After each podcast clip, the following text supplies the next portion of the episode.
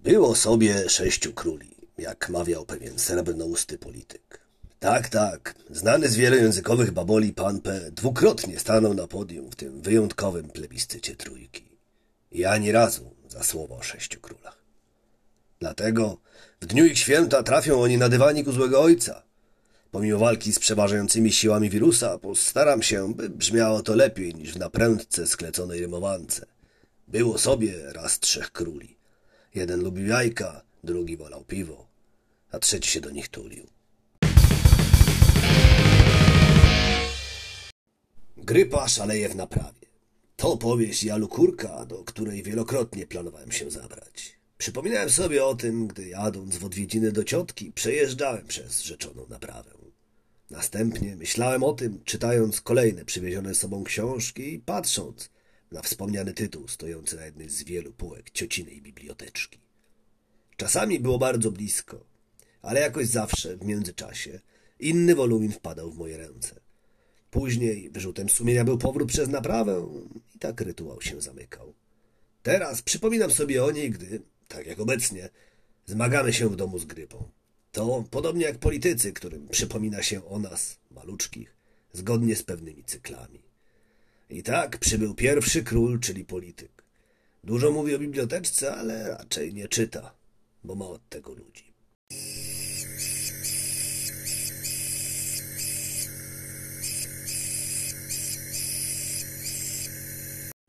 Tak, tak, dobrze słyszeliście. To zagrany przez pszczelarza starszego na inhalatorze cover fragmentu melodii z serialu Mandalorianin. Będzie on przerwnikiem między kolejnymi krótkimi przemyśleniami zakatarzonej głowy złego ojca. To ostatnie jest zresztą odzwierciedleniem stanu faktycznego, gdyż wspomniana wcześniej grypa już jakiś czas temu zajęła pierwszy przyczółek w naszym mieszkaniu, stopniowo zarażając kolejne ofiary. Coś w stylu Palpatina, który też cierpliwie roztaczał swe wpływy i nie poddawał się, nawet wtedy, gdy wyglądało, że jego czas się skończył. Znam tę historię, gdyż mam w domu wielkiego, choć niewysokiego, fana Gwiezdnych Wojen. Entuzjaści to osoby, na których przeciągnięciu na swoją stronę wspomnianym wcześniej politykom bardzo zależy. Dlatego drugi król to entuzjasta.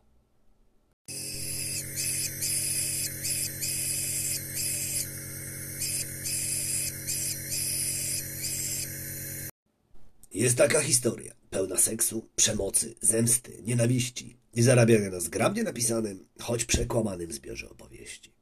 Nie, nie atakuję tu kościoła, lecz nawiązuję do komiksu Chłopaki, który jakiś czas temu został zekranizowany. Całość nie jest intelektualną ucztą, tylko czymś, co ma zapewnić rozrywkę. Jest tam też wątek zarabiania na chrześcijaństwie, ale to już dodaję tak na marginesie.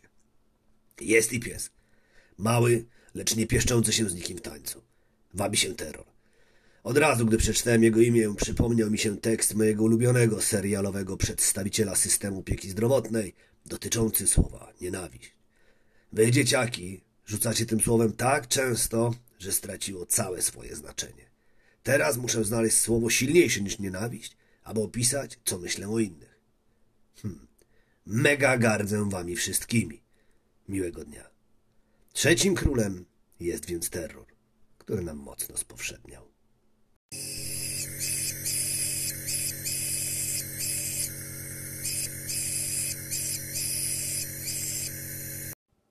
Czwarty król to religia, opium dla ludu, które ogłupiając sprawia, że później godzinami debatują, czy królów było trzech czy czterech i śmieje się z pociesznych ryśków wierzących, że mówiąc sześć, przelicytują całą resztę.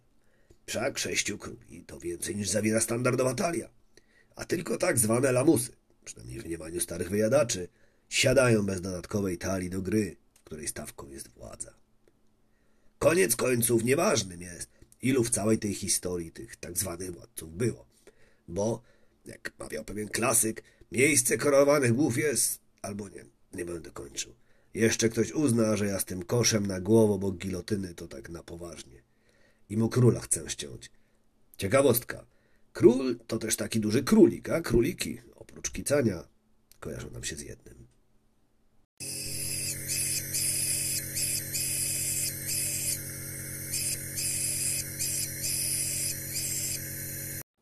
Z czwartym królem wiąże się ostatni. Uzależnienie. Bo religia uzależnia i doprowadza do tego, że wyznawcy zachowują się niczym pijani, o czym zresztą wspominał mój niedawny gość. Dowodem na to są innymi piętnowane przeze mnie zachowania, takie jak odwołanie niedawno konkursu o Harrym Potterze, tylko dlatego, że grupa fanatyków wysłała list, a kuratorium miast napisać, że nie godzi się na takie bzdury, doradziło w jaki sposób mogą dotrzeć do szkół ze swoim bełkotem. I nieprzypadkowo użyłem słowa bełkot, bo jak inaczej interpretować to, że czytanie sagi o młodym czarodzieju może mieć zły wpływ na zdrowie, w odróżnieniu od zbawiennego działania lektury pełnej przemocy, ludobójstw i innych koszmarów. E, No i nienawiści do krewetek. Mam nadzieję, że wy jesteście na tyle trzeźwi, by zadać pytanie. Hola, hola, kolego, a gdzie szósty król? Przyznam bez bicia. Było mi potrzebnych tylko pięciu, bo tylu wystarczyłoby z ich inicjałów utworzyć nazwisko srebrnoustego autora cytatu. Jednego z tych ludzi, którzy są śmieszni w momentach, których najmniej by chcieli. Gdzie więc jest szósty? Tam, gdzie pozostałych pięciu. W ludzkiej wyobraźni. Uf, udało się, choć trochę korciłoby wpleść szóstkę w cztery literal.